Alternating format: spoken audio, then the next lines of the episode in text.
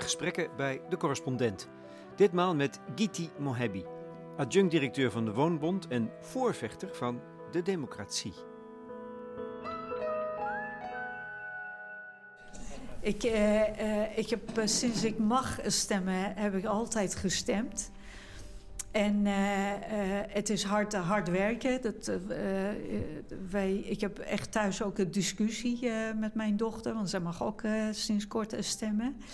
Eh, en met hard werken bedoel ik dat we echt een studie van maken. En ik merk bij mezelf eh, dat ik steeds eh, een partij kies met, waar ik het mi- minste tegen ben. maar om te zeggen van ik kies een partij waar ik 100% voor ga, dat wordt er steeds minder. En dat vind ik ook een zorgelijke ontwikkeling. Z- zweef je? Eh, nee, absoluut niet. Ik weet heel goed op wie ik niet ga stemmen. Oh ja, nee, dat is... ja. Dat weet ik heel goed. Maar ik stem altijd en mijn dochter ook. Dat is bij ons echt een eh, recht eh, en een plicht tegelijk.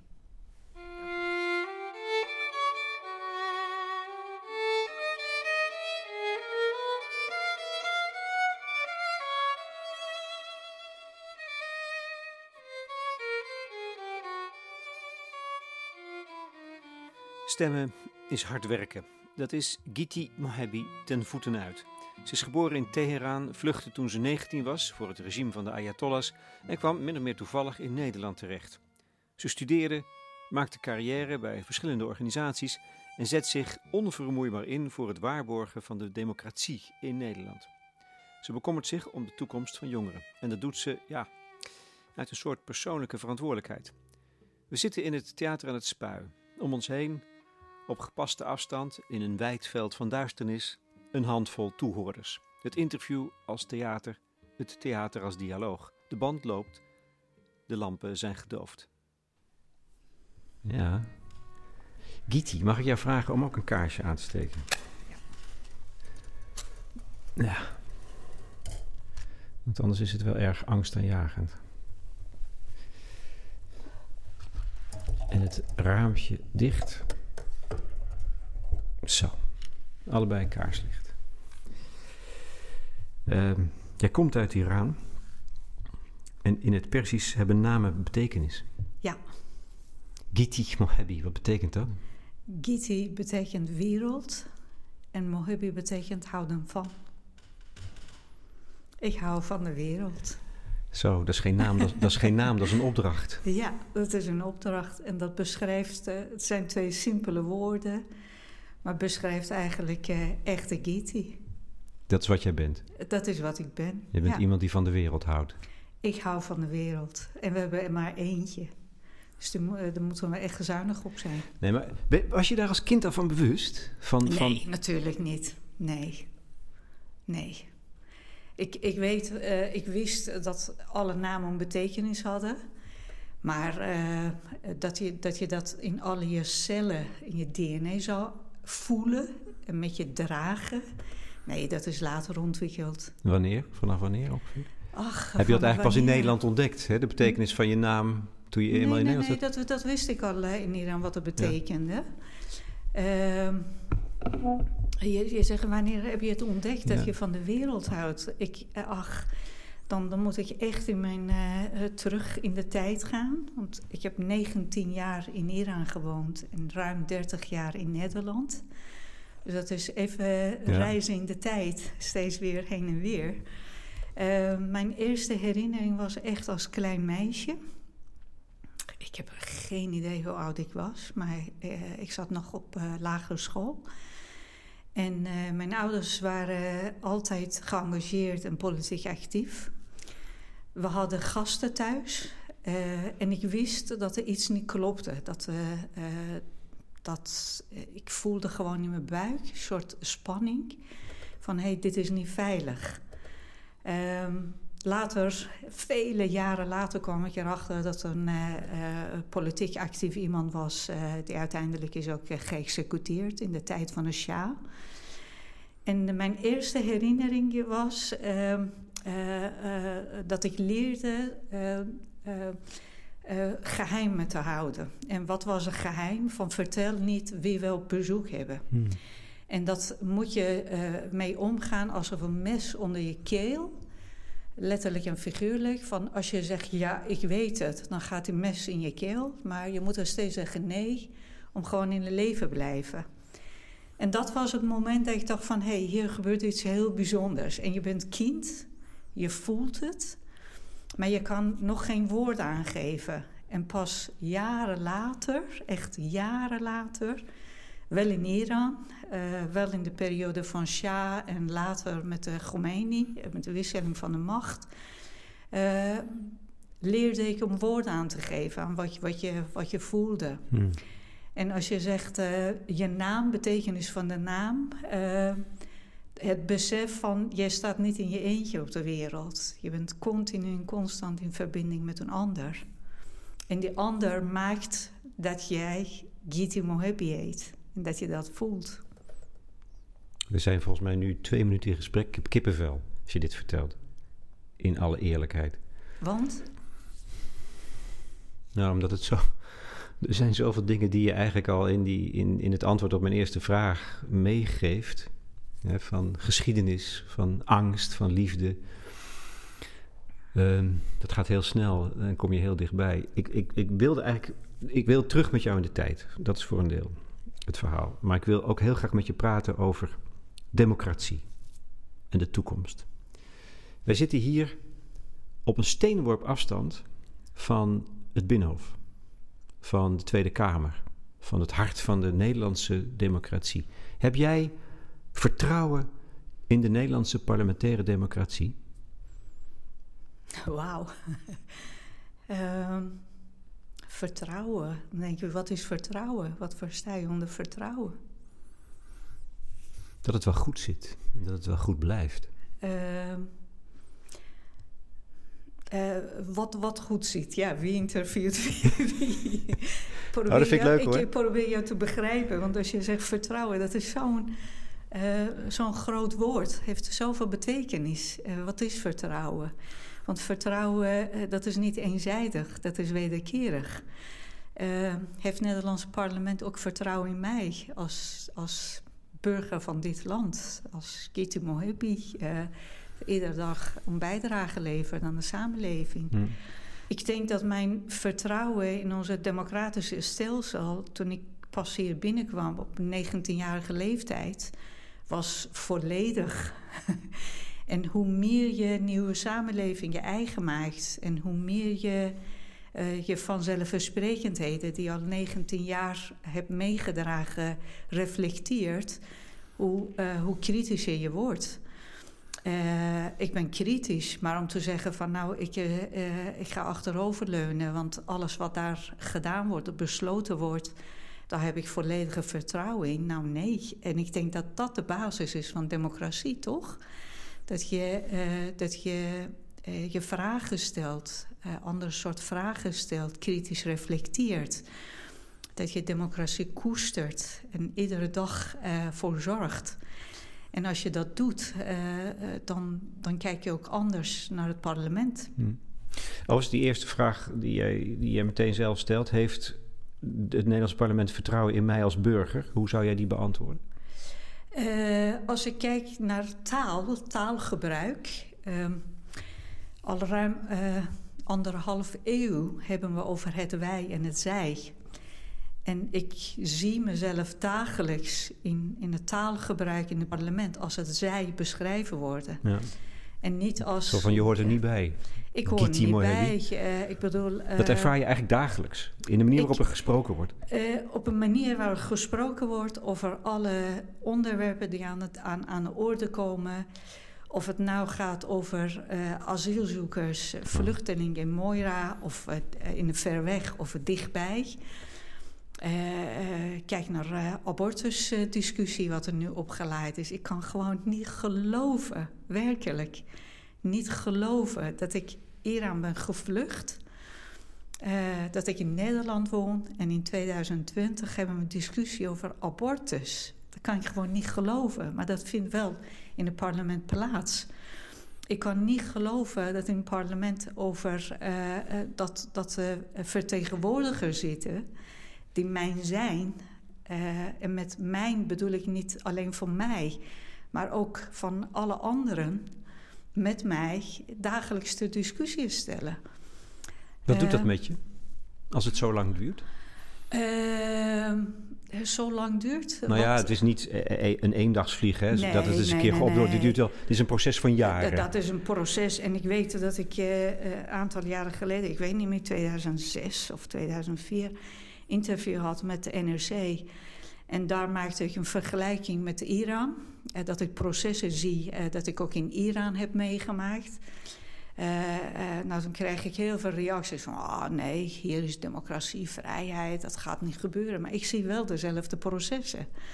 Uh, en wat, wat doet dat met je? wat ik zei, ik reis continu in de tijd. dan reis ik weer terug naar Iran. dan komt die angst weer terug. Dan zie ik bepaalde patronen weer terugkomen. Om een aantal voorbeelden te geven. Persvrijheid. Hm.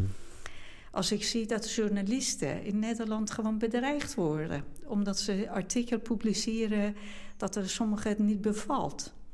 Dat vind ik heel ernstig. Als ik zie uh, dat er bezuinigd wordt in onze uh, sociale advocatuur. Dat de rechterlijke macht ter discussie staat. Uh, gewoon, dat benauwt me. Dat ik denk van, oh, dat, dat zijn zelf de patronen. Als ik zie dat er kliklijnen zijn eh, om een voorbeeld te noemen. In het onderwijs, of dat er überhaupt men het in het mond neemt. Denk van, jeetje, over vertrouwen gesproken. Ja. We, we, we zijn een samenleving aan het creëren waar we een kliklijn nodig hebben.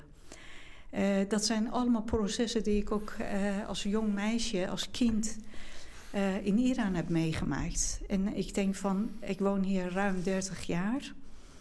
En dat zijn processen die dagelijks plaatsvinden. En als je niet je democratie koestert en niet iedere dag reflecteert, het gebeurt jou ook. Want ja, we zitten niet onder een glazen bol die ons van de rest van de wereld onderscheidt. Nee, we zijn in verbinding met een ander. Ja, ik ben, ik ben gewoon bang, hè? Ja. En daar is toch niks mis mee? Dat je bang bent? Nou, dat vind ik wel een rot gevoel. Ja, maar dat houdt je wel scherp of niet? Ja. Voor, voor mij is, angst ook dat je je verantwoordelijk voelt. Uh, ik, ik, ben ook bang. Uh, en dat is voor mij een teken van... ik moet verantwoordelijkheid nemen. Mm.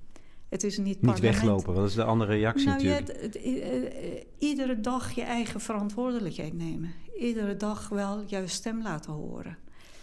Um, toen ik hier naartoe reed, dacht ik van... Um, we zijn massaal een straat opgegaan voor het klimaat, voor uh, Black Lives Matters. Uh, dat is eenmalig iets. Je laat je stem horen, je bent buiten. Uh, maar de dag daarna ben ik op mijn werk, jij bent op je werk alle aanwezigen hier zijn in hun eigen omgeving. En hoe ga je daarmee dan om?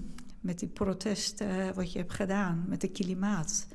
En die verantwoordelijkheid om daar echt iets te doen, dat kan ik alleen voor mezelf beslissen. Dat is dan mijn vrijheid. Dat hmm. is dan uh, uh, de basis van mijn democratische vezels die ik dan koester. En dat geldt voor jou ook. Maar dat bedoel je van, het is niet iets van wat je op zaterdag doet, hè, het protest. En op zondag ga je gewoon rustig aan het werk, alsof er niks, of op alsof maandag. Niks aan de voor de, ja, voor de meeste mensen is het dan maandag. Uh, alsof er niks aan de hand is. Dat kan, dat kan niet. Of dat, dat er iets is opgelost, dat de klimaat is nu opgelost. Want ja, ik heb mijn bijdrage geleverd. Ik heb mijn stem laten horen. Dat, uh, uh, voor mij, democratie is ehm, geen staatsvorm, maar een levensvorm. Dat is een cultuur, uh, een gedrag en een houding die je iedere dag met je draagt. Hm. En die, je ook, die, sorry, en die je ook uit moet dragen. Dus dat, niet je, alleen maar... dat je moet echt uitdragen. Je moet koesteren, je moet onderhouden. Je moet desnoods voor vechten. Uh, dat is niet van ik ga een per jaar stemmen en ach, even kijken van wie, wie je sympathiek vindt. Of het is geen entertainment. Ja, je moest net even eh, nadenken en tijd winnen toen ik vroeg of je vertrouwen hebt in de Nederlandse democratie. Ja, het antwoord is natuurlijk complex, dat weet ik. Maar als je verwijst naar wat jij meemaakte in Iran als meisje, hè, tussen 0 en 19, dat was een totalitaire samenleving. Ja. Een dictatuur. Ja. Dus je zegt, je ziet trekken in de Nederlandse samenleving die duiden op een ontwikkeling tot een totalitaire samenleving. Uh, dat, uh, ik heb geen glazen bol. Dat, dat kan ik niet zeggen, nee, maar... dat we daar naartoe gaan. Wat ik, wat ik wel uh, observeer is ehm, dat ik bepaalde patronen ja. zie terugkomen. Ik zie ehm, segregatie toenemen. We hebben enorme toename van dakloosheid. Ik weet als het dag van gisteren, toen de eerste voedselbank openging. Als dag van gisteren. En moet je nu kijken, het is de normaalste zaak van de wereld geworden. En we roepen de mythe van we leven in een rijk land. En wat doet segregatie? Wat doet de toenemende armoede? Wat doet toen uh, alle voedselbanken die we hebben, die segregatie op alle niveaus. Wat doet met de mens? En dat heb ik ook in Iran meegemaakt. Je bent dagelijks zo bezig met overleven. Dagelijks zo bezig met eten op tafel krijgen, om een dak boven je hoofd te hebben, dat je je niet meer bezighoudt met de politiek. Hmm. Niet meer betrokken bent met wat er voor je besloten wordt. En dan pas heb je geen vertrouwen meer in een politiek.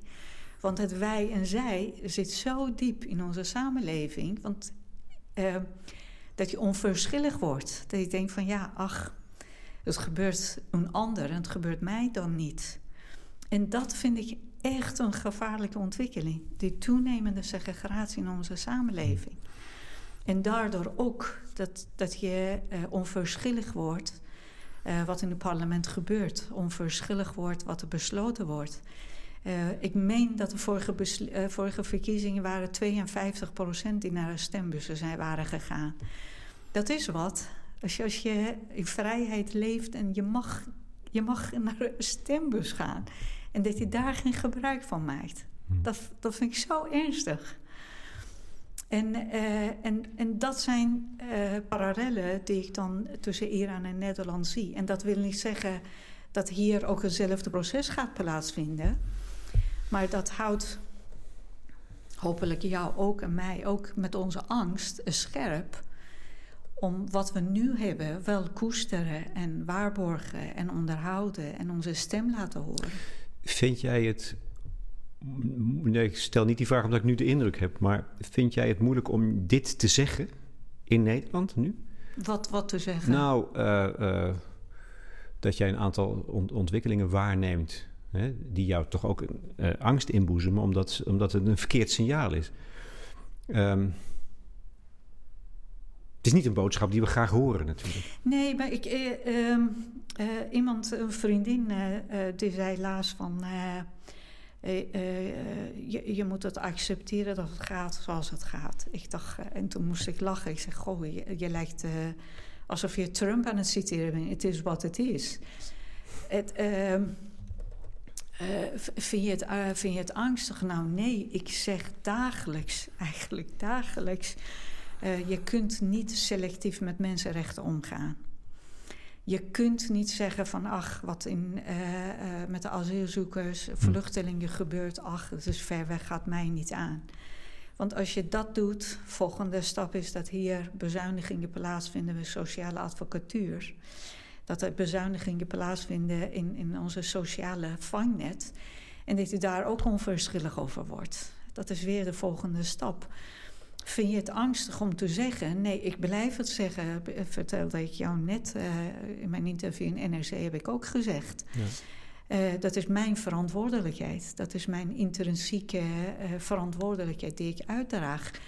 Het is aan jou uh, of je niet alleen naar me luistert, maar dat je dat ook hoort. Dat, je, dat je kan invoelen wat dat kan betekenen. Als je, als, als je niets doet.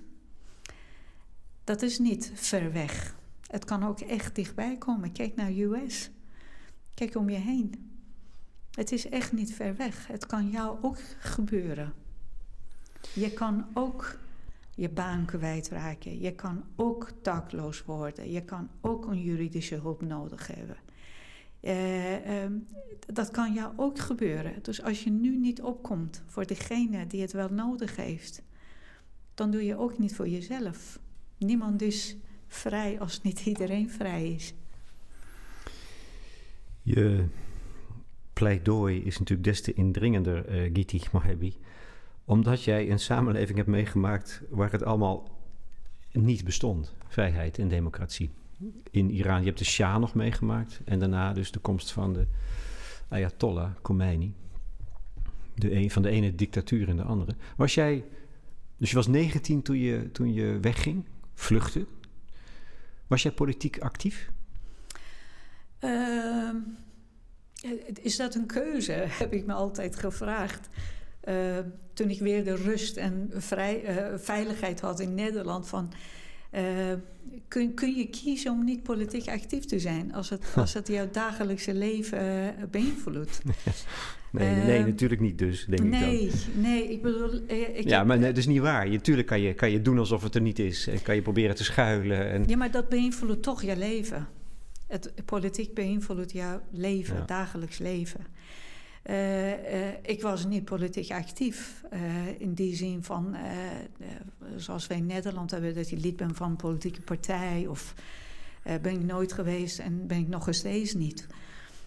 maar ik ben wel opgegroeid in een gezin die wel politiek actief was, geëngageerd en, en altijd om een ander gaf.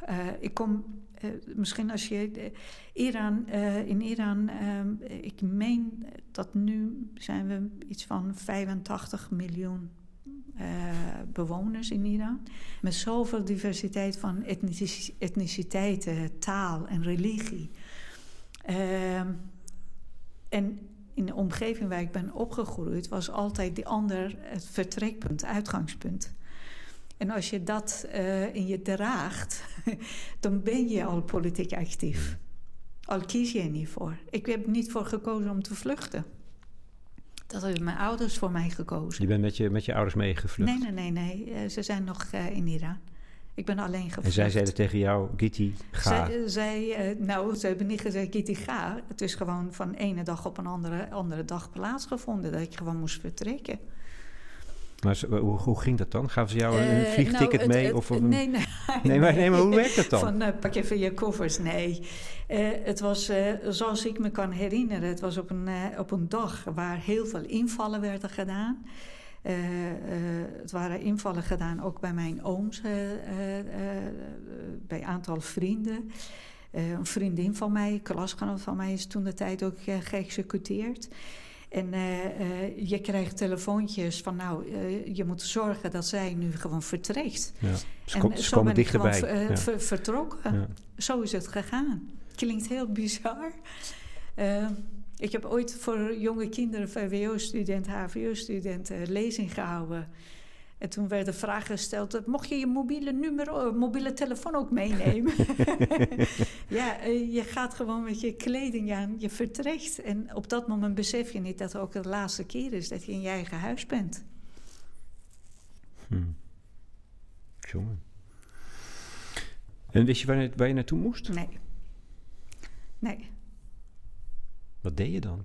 Uh, ik ben terechtgekomen naar, uh, uh, in Turkije.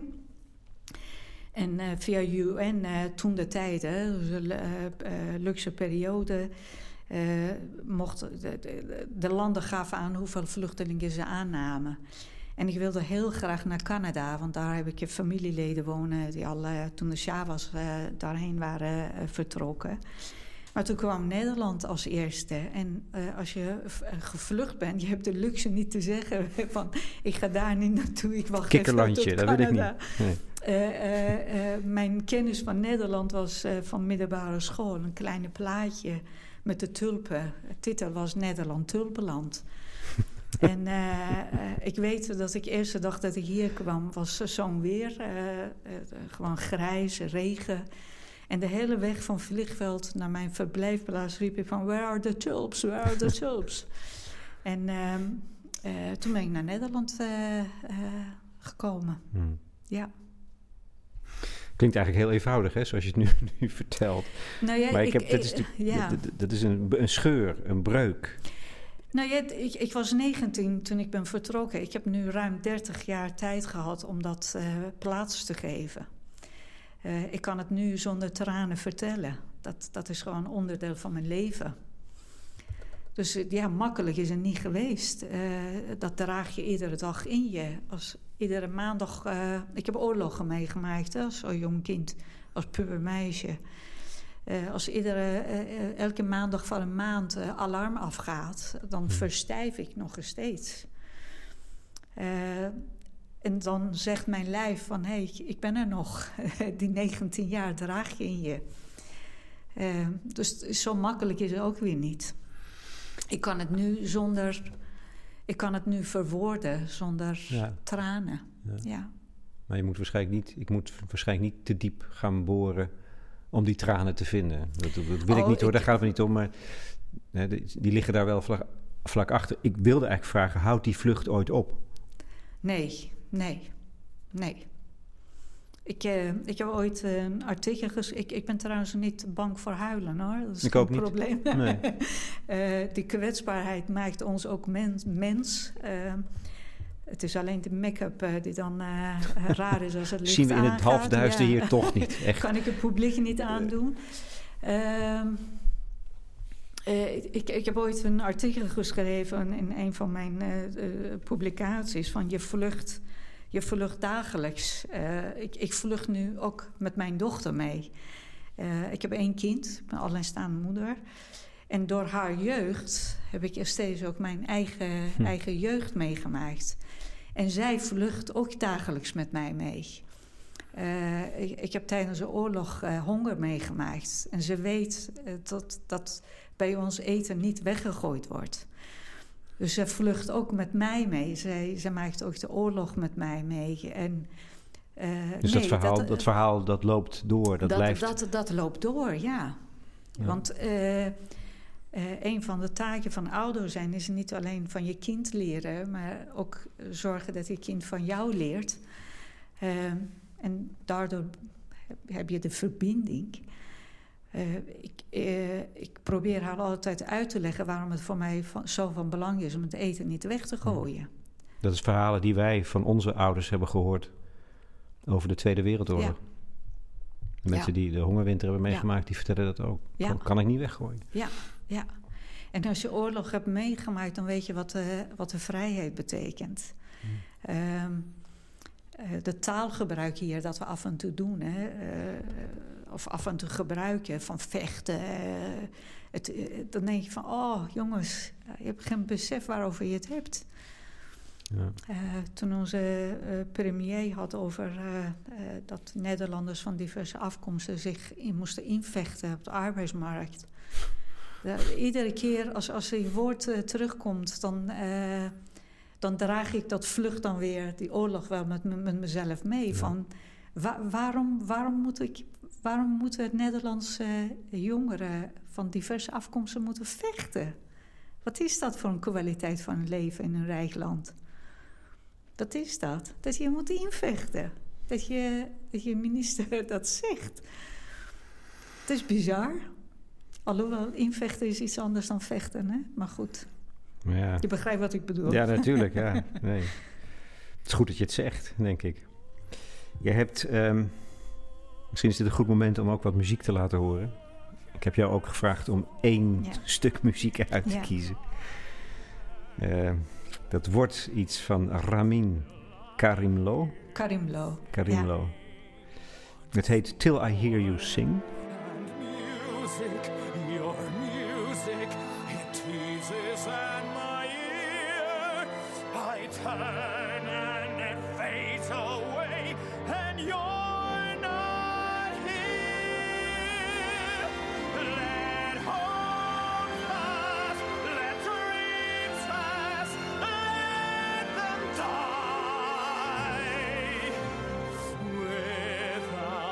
What are they for?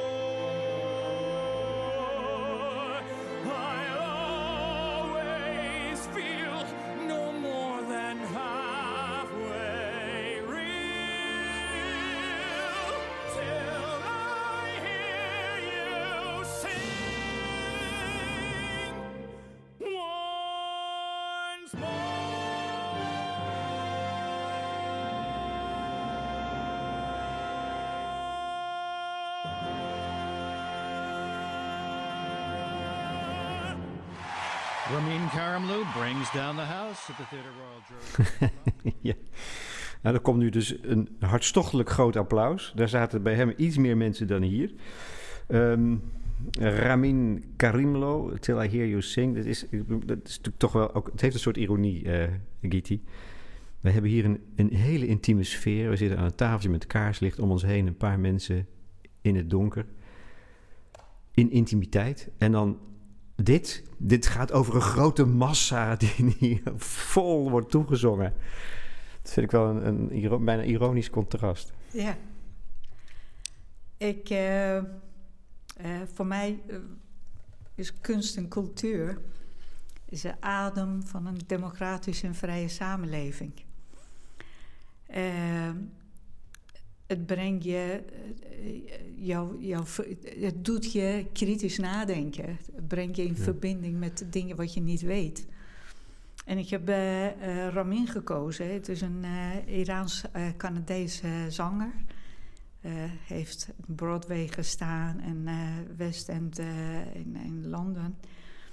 En eh, hij letterlijk en figuurlijk, als je hem live meemaakt, en nu ook, eh, ik voel mijn ziel echt door hem opgetild worden. En waarom heb ik dit gekozen? Want ehm, ik was samen met mijn dochter. We zijn echt speciaal voor hem naar Londen gegaan om hem te horen. We zijn twee eh, eh, nerds als het gaat om, om kunst en cultuur. Doen we dat vaker. En we kwamen de zaal binnen en iedereen keek naar ons. We hadden beide zo zitten huilen tijdens de voorstelling. De hele make-up doorheen en eh, echt, echt te sneaken. En ze kwamen naar buiten en door de reacties van mensen dachten we van... oh, eh, er is iets aan de hand. En moesten we zo om lachen. Van nou, avondje gezellig. Ehm, en en eh, dat mensen die je zo ontroeren. Ja. Het is zo... Is- zoveel ben je losmaken. Ja. En, en dat reinigt? Huilen? Ehm, niet altijd. Niet altijd. Heb je de het lucht wel op. Heb je, het, heb je het moeten leren? Eh, eh, om te huilen? Ja. Nee, nee. Ik, mijn, mijn vader, eh, mijn vader, als je hebt over kunst en cultuur, hè, ik heb mijn pa twee keer aan het huilen gezien. De eerste keer was tijdens de revolutie. Toen eh, alle eh, eh, kastelen van Shah werden aangevallen en kunsten werden Hm. eh, kapot gemaakt. Toen moest mijn pa zo huilen. Toen zei hij ook echt letterlijk van die mensen...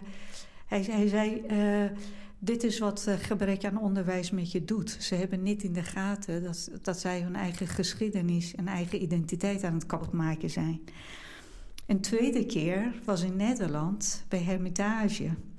Bij Hermitage was een expositie over Iran. En ik dacht van, nou, ik ga pa verrassen. We gaan even eh, naar Hermitage. En we komen daar binnen. Mijn pa, eh eh gekjescherend zegt hij altijd dat, dat hij op Saddam Hussein lijkt. Hij heeft zwarte haar, dikke zwarte wenkbrauwen, zwarte dikke snor. En dan moet je je voorstellen, zo'n groot man die je zo bewondert. Je komt het museum binnen, Hermitage binnen, en barst in tranen uit. Echt in een snieken. En het deed hem pijn om de eh, gewoon Nederlandse of Iraanse kunst in het buitenland te zien. En hij zei dat eh, Iraniërs, ze, heel veel Iraniërs zullen dit nooit meemaken. Niet van dichtbij kunnen zien en bewonderen en zichzelf eh, eh, laten verwonderen over, over eh, kunst en cultuur. En eh, dat heb ik van mijn pa gekregen. Dat huilen van emoties. eh, eh, want dat maakt je alleen maar mens en bewust van eh, wie je bent. Ja. Ja. Eh, de beste manier om de angst van het lijf te houden, Giti Mohebi, zei je net, is verantwoordelijkheid nemen. Ja. Je hebt ook, ik zou bijna zeggen, gewoon een carrière. Hè? Je hebt, eh, later ben je politicologie en bestuurskunde gaan studeren. Je hebt bij de politie gewerkt op verschillende plekken. Nu ben je adjunct-directeur van de Woonbond. Dus dat is gewoon dat is je, je, prof, je vak. Je bent aan het werk. Daarnaast zet je je in voor jongeren. Ja. En hun democratisch besef. Dat is, eh, je zou dat vrijwilligerswerk kunnen noemen. Nee, ja. Ja, Ja, dat, ja. voor- ja de- eh, je, je zei net, eh, eh, als je plezier hebt in je werk, eh, eh, dan is geen werk. En dit is eh, vrijwilligerswerk. Het, het, het, eh, voor mij heeft, geeft een, heeft een lading, heeft een betekenis. Ja. Dat je geen geld verdient en dat is een vrije tijd. Ja. Terwijl eh, ik probeer eh, dat dagelijks uit te dragen. Dus ook in mijn werk ben ik ook met de jongeren bezig. Het is niet alleen van, oh, eh 9 tot 5 is afgelopen, dus nu kan ik... Dus Nu, nu ga ik me even met de democratie weer bezighouden. Ja. Ja, nou ja, kijk, met de jongeren. ik ben zelf als, als kind, als puber, als jong meisje een en ander meegemaakt. En ik ben nu zelf ook moeder. Dus dat. eh, eh, eh, voor mij is niet alleen liefde voor mijn kind, maar ook voor haar vrienden, voor haar klasgenoten. Dat is heel, heel breder. En de Nederlandse jongeren en Nederlandse jongeren van diverse afkomst, die hebben Nederlanderschap als gemeenschappelijk.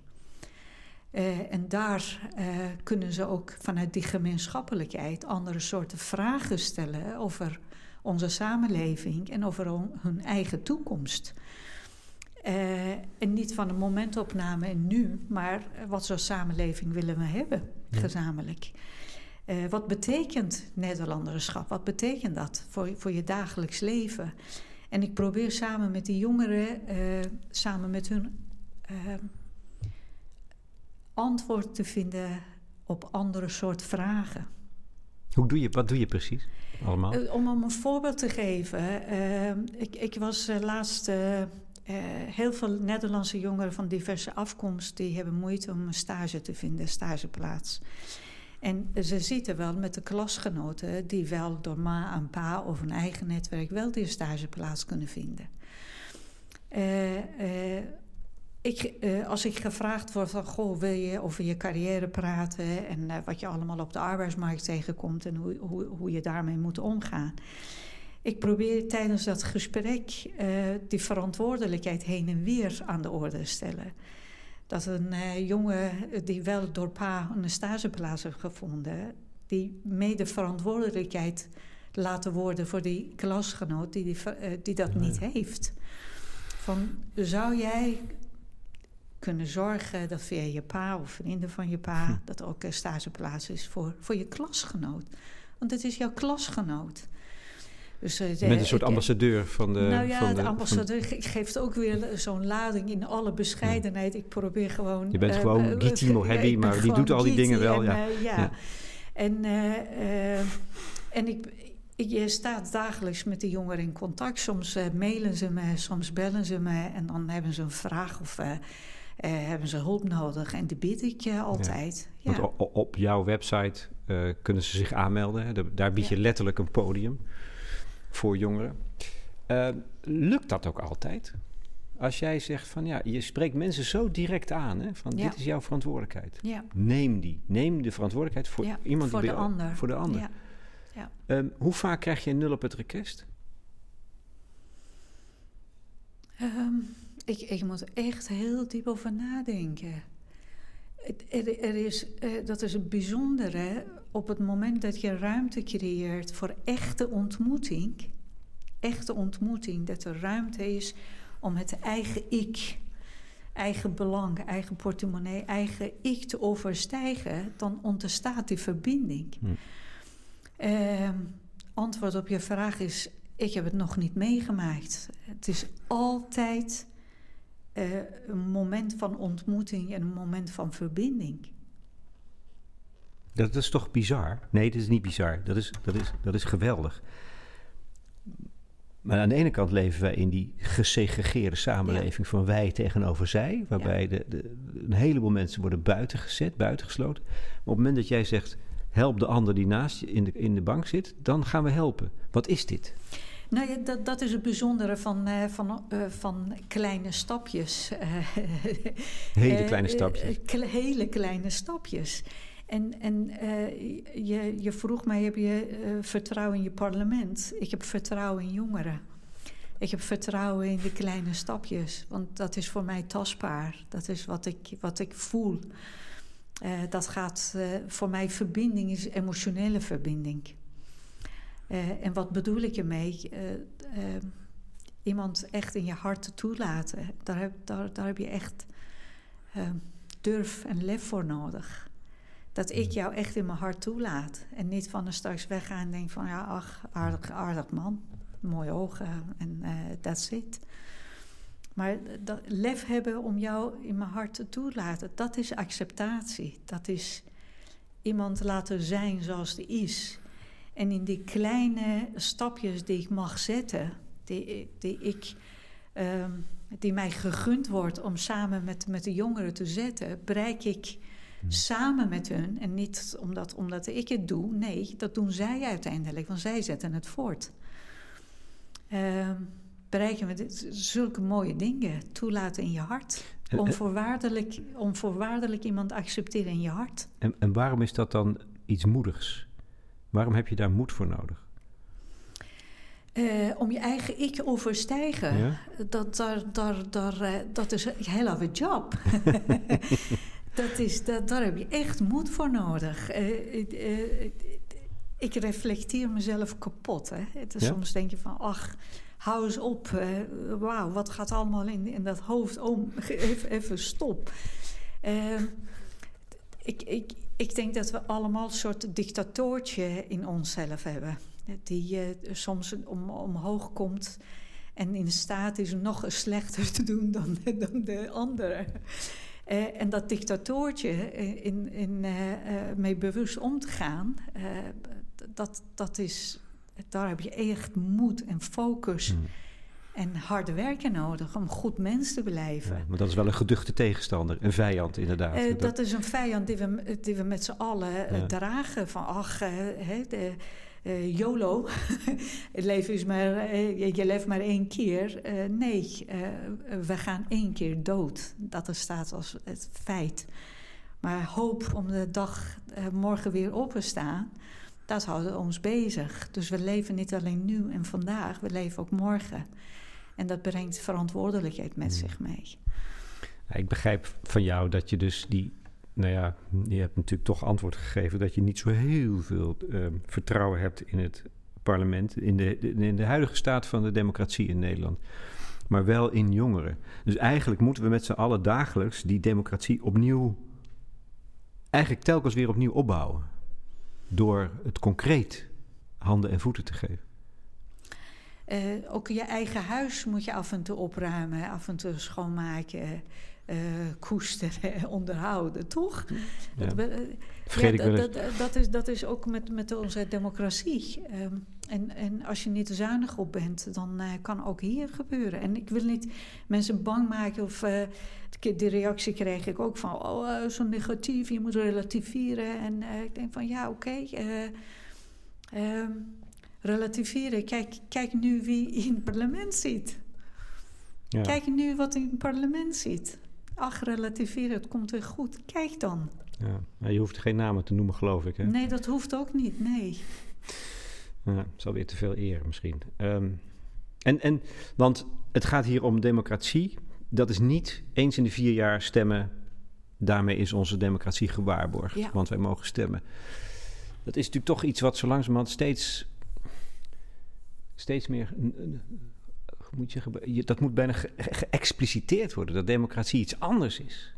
Namelijk een heel complex waardestelsel. Is dat, hebben jongeren daar oor voor? Uh, uh, begrijpen ze dat als je daarmee in gesprek raakt? Of is dat juist heel natuurlijk voor ze? Of, of is dat ver weg? Hoe, zit, hoe, wat is jouw ervaring? Nou ja, uh, um, dat is niet ver weg. Uh, wat, wat ik zie. Um, ik kijk naar uh, de demonstratie van klimaat ja. voor Black Lives Matter, waren met name jongeren. En, en dan niet georganiseerd, gewoon jongeren die elkaar ontmoeten en orga zich organiseren en je een stem laten horen. Kijk, de democratie, eh, eh, wat, wat ik zelf zie, hè, dan wil ik niet generaliseren. Ik, ik, ik heb het niet over alle jongeren, maar jongeren met wie ik in contact kom. eh, die, die willen echt kleine stapjes en zo concreet mogelijk. Geen woorden, maar daden. Praktische dingen en geen bla bla. En eh, democratie wordt heel vaak ook met de politiek en bla bla momentopname geassocieerd. En, eh, en dat speelt niet bij alle jongeren een rol. De jongeren die ik ontmoet, die willen iets doen tegen eh, eh, het lenenstelsel, het studielenenstelsel. Die willen iets doen voor de volkshuisvesting. Die willen iets concreets doen voor het onderwijs. Dat ze gewoon goed onderwijs krijgen, goed kwalitatief onderwijs krijgen. Dat zijn jongeren die ik dagelijks ontmoet, eh, eh, eh, met wie ik in contact ben. En die geven me energie, want je ziet ook dat er stappen genomen worden. Eh, politiek het staat nu zo ver weg, zo onbereikbaar voor heel veel mensen geworden. Het vertrouwen is zo. Kijk, en ik heb het niet over het aantal partijen eh, waar we het steeds over hebben, maar juist die grote partijen die het zover laten komen. Dat, eh, eh, dat we nu vertegenwoordigers hebben waarvan we moeten eigenlijk soms wakker van liggen. Van jeetje, hoe is er zover gekomen? En die reflectie, dat, dat wordt binnen alle die partijen die bestaan, eh, een, eh, D66, GroenLinks, en die reflectie ontbreekt daarin over hun eigen rol. En dat is wat, wat met jongeren wel plaatsvindt. Hoe zij naar de besluiten kijken van de politiek. En, eh, en dat wordt anders ervaren dan eh, als ik jou goed begrijp, zoals jij en ik met de democratie, met, Ja. eh, eh, met de politiek bezig zijn. Ja. Wat, wat, wij daar. Ik, ik, nou ja, schoot mij net te binnen omdat ehm, ik reed onder het viaduct door op de Utrechtse baan. Toen ik op de, werkelijk de gemeentegrens van, eh, van Den Haag. Daar stond, hadden ze gekalkt: huur is te Te duur. duur, ja, dat zag ik net ook, ja. Kijk, Ja. dat is dagelijks aan Ja. de hand. Dat ervaren mensen, je had het over de voedselbanken, al die andere dingen concreet. En dat, hoe kan het nou dat als je in de politiek zit, maar dat is niet een vraag die ik aan jou zou moeten stellen eigenlijk, hoe, hè, dat je als je in de politiek zit, dat, dat, dat die werkelijkheid zo ver van je af is komen te staan. Dan zit je zo in een soort, wat is dat? Een systeem met, wat losgezongen is, lijkt het wel van... eh, Nou ja, dat, dat is ook de reden, want ik, eh, eh, ik word wel, wel eens gevraagd: eh, wil, je lid worden, wil je op de lijst komen? Van welke en zo, partij dan? Eh, ja, dat, dat is niet relevant. Maar ik, wat er wel relevant is, en dat ik, dat ik continu en consistent nee heb gezegd. Eh, want ik zie dat mensen vanuit een bepaalde ideale politiek ingaan. Ik heb er zelf lijfelijk het gewoon meegemaakt. Mensen die ik ken, met, met wie ik samen heb eh, gewerkt. Idealen van een steun me, want als ik daar ben, dan ga ik iets veranderen. Op een, of andere manier worden ze onderdeel van dat systeem. Dat, dat ze zelf de taal gebruiken, dat ze zich conformeren aan de partijpolitiek. Ja. En, en die kritische reflectie, eh, die passie wat ik voordat zij politiek ingingen met de mensenrechten hadden, zie ik verdwijnen. Ik denk van wat bizar. En dat is wat ik bedoel met eh, het eigen ik overstijgen. Op, eh, op een of andere manier macht in, in de picture staan doet iets met mensheid blijkbaar. Ja, dat, je, dat, je, dat je dat ja. vergeet. ja. En dan hoor ik van die politieke partijen, eh, soms moet ik zelf ook om lachen als ik gevraagd word. denk van, hoe kom je erbij dat ik dan bij jouw partij zou horen? Want ik, ik eh, eh, mensen die mij kennen, dan weten ze dat ik echt in geen enkele hokje te plaatsen ben.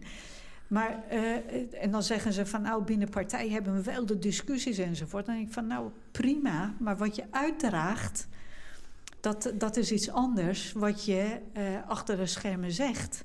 Die taal die je gebruikt, dat is iets anders wat je zegt. En als je dat niet doet, dan kan ik, dan hebben we over vertrouwen. Eh, hoe, hoe kan ik in jou vertrouwen als je niet doet wat je zegt? Als er woorden geen betekenis meer Ja. hebben. En dat is de reden waarom ik ook nooit eh, eh, eh, de politieke eh, kleur heb bekendgemaakt of een politieke kleur heb of wil hebben. Want ik wil die crit- kritische reflectie blijven houden aan alle partijen. Ja, en, en je, doet, je vindt een andere weg om de democratie en de vrijheid gestalte te geven Ja. aan handen en voeten dagelijks, begrijp ik eigenlijk.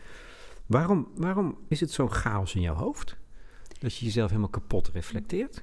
Ehm, geen idee. Ja, goede vraag. Waarom doe je dat? Dus ben je dan, wat is dat, hoe ziet dat eruit? Als een stemmen die je zelf voortdurend maar tot de orde roept, onderuit halen? Ja, nou ja, eh, eh, eh, die kritische reflectie zit bij mij heel, heel diep.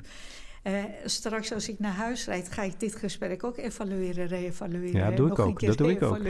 maar dat, dat hoort tot mijn vak. Had ik dat gezegd of had ik, eh, heb ik dat goed begrepen of bedoelde? Ja, het, het, het, eh, eh, daar, zo ben ik mee opgegroeid. Al, altijd ander soort vragen stellen. Altijd reflecteren.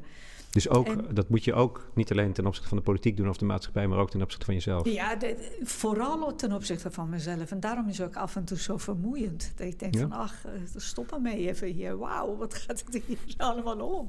Stop ermee, ja.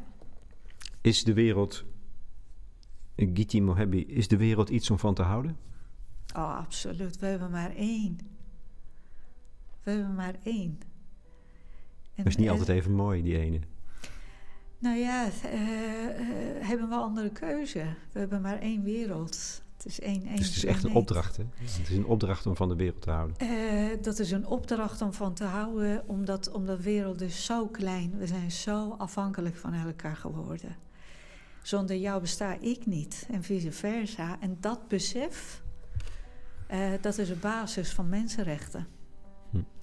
Hm. En we zitten met de grote, echt grote eh, eh, maatschappelijke thema's. Als je hebt over voedseltekort, als je hebt over klimaat. Dat, dat ga ik niet in mijn eentje oplossen zonder jou. Dus daar hebben we echt elkaar nodig. Heb je gemerkt dat er wat licht bij is gekomen? Nee, Zie je dat? niet gemerkt. Ik, ik ben zo gefocust. Zie je die? Ja, Ja, nee, dat heb ik ook gemerkt. Die, die zuilen van, zie je dat? Ja. Dat is ook een signaal dat er weer wat, eh, wat dat er weer wat wereld bij komt. Ehm, ik had aan het begin al meteen kippenvel, maar dat is wel gebleven. Dankjewel. Dankjewel. Jij ook voor je vragen.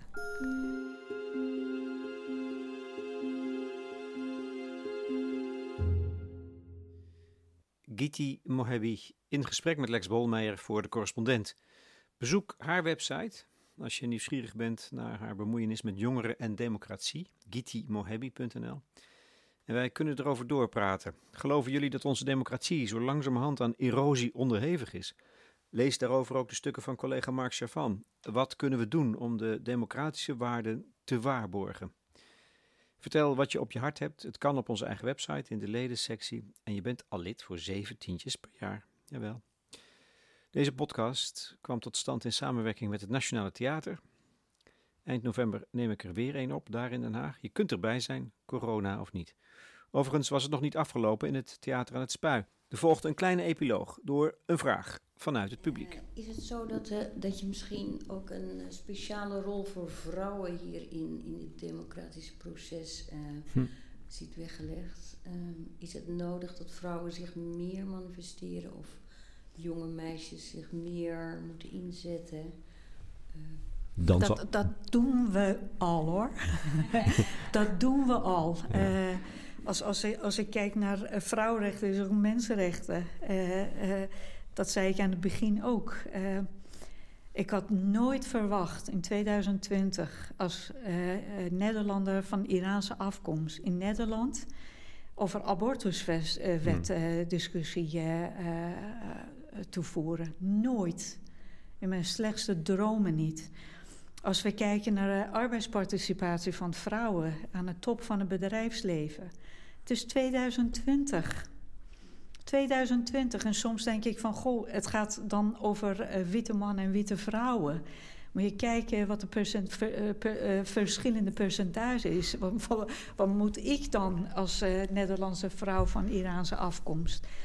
Die veranderingen gaan tergend langzaam. En juist voor de vrouwen in een patriarchale omgeving Kijk naar ons parlement. Uh, vertegenwoordiging van de vrouwen in ons parlement. In Iran hebben we meer vrouwen die in, in, het parlement zitten dan in Nederland. Uh, we zijn dagelijks bezig, uh, als, ook met, onze, met de hoofddoekdiscussie zelfbeschikking, zijn we als vrouwen dagelijks bezig. En of het meer is of niet, ja, ik denk van wel. Ik denk dat ja, mensenrechten gaat iedereen aan. Maar vrouwenrechten misschien nog meer in Nederland 2020, alle 2020. Ja. ja. Is de Iraanse cultuur misschien ook uh, meer stimulerend voor vrouwen om te participeren? Want de Iraanse mensen die ik hier in Nederland ken, die zijn, zeker de vrouwen, zijn heel erg um, uh, ja, op de voorgrond en, en hebben een eigen bedrijf of zijn heel, um, hebben zichzelf heel goed ontwikkeld of, of zetten zichzelf in de maatschappij. Ja. Ik, ik wil niet generaliseren. Uh, uh, toen de Shah was, waren vrouwen ook actief. We hadden ook heel veel uh, activisten in de gevangenis. mensen kunnen hier niet geloven als ik heb over vrouwenrechten, dat juist overgang naar ayatollahs heeft meer vrouwen geholpen om juist naar buiten, naar openbare ruimte toe te treden. Want juist in de dorpen uh, met de islamitische gezinnen uh, konden die vrouwen toen de Shah was niet naar buiten toe treden. Maar nu wel. 70, voor, uh, 70 van Iraanse vrouwen eh, is hoog opgeleid. 70 procent. En, uh, en ze zijn ook actief in alle beroepen. Maar in Westen, we zijn alleen een hoofddoek. en we denken van nou achtergesteld uh, uh, en die mogen niet participeren. Terwijl ze wel heel actief aan de samenleving deelnemen. En dat is paradoxaal genoeg, want dat is niet wat je verwacht. Juist ten tijde van de Islamitische Republiek onder de... Onder de, onder de ja, ja. Daar is die. Dat daar, is toch, daar, daar, is, uh, daar hebben heel veel uh, vrouwen en ook meisjes juist de ruimte gekregen om naar buiten toe te treden met de hoofddoek. En daarvoor kon het niet. Ah, op zo'n manier. Ja, ja. Daarvoor kon het niet. En ook ruimte, uh, ruimte gekregen om te kunnen studeren. Verrassend wel hoor, toch? Ja, maar het, dat is als je met de westerse bril naar kijkt... en dan zie je alle hoofddoek... en dan wordt meteen al geassocieerd met islam, dus onderdrukt. En dat is niet het geval. BBC heeft... Uh, uh, ooit een hele mooie documentaire laten zien... waar vrouwen als rechter uh, optraden, hmm. chirurg, als buschauffeur, als taxichauffeur. Dus ze zijn heel, heel actief geweest en zijn nog steeds. En de uh, meeste uh, Nederlandse vrouwen van Iraanse afkomst die ik hier ken, uh, in Nederland ken, die zijn gevlucht. Dus die uh, geëngageerdheid, die, die zat, het zat erin. Ja. En die zetten ze zich hier voort. Ja. En, en kortom, het, wij lopen dus achter. Dat is ook nog weer eens een. Nou, ten, op, ten, nee, ten, opzichte, in dit opzicht ten opzichte van Iran, nota bene. als, als, ik heb, je vroeg mij van durf je dat te zeggen? ik, ik durf wel eens te zeggen. Ik hoop dat de vrouwen hier mij. Als je hebt over emancipatie in de zin van participatie. Ja vind ik dat wij Iraanse vrouwen uh, ver ontwikkeld zijn dan de Nederlandse vrouwen. Hier, of, uh, uh, ja. Dat ga ik weer algemeniseren. Nee, maar, maar het, is wel eens, het is wel eens lekker om een draai om de oren te krijgen natuurlijk. Nou ja, wil ik, ik, ik wil voorkomen dat ik ga generaliseren. Ja. Want dat zie ik ook in mijn omgeving. Ik heb vrouwen die wel participeren op hun eigen manier. Zonder waardeoordeel. Daar ben ik wel voorzichtig over andere manier om het samen te vatten, Gigi, is dat je leeft eigenlijk tussen, tussen angst en hoop. En dat is het eigenlijk ja. ook. Ja, mooi. Dacht ik net. Ja. ja. Dus, zullen we hem uitblazen? Ja, is goed. Dankjewel. Oh.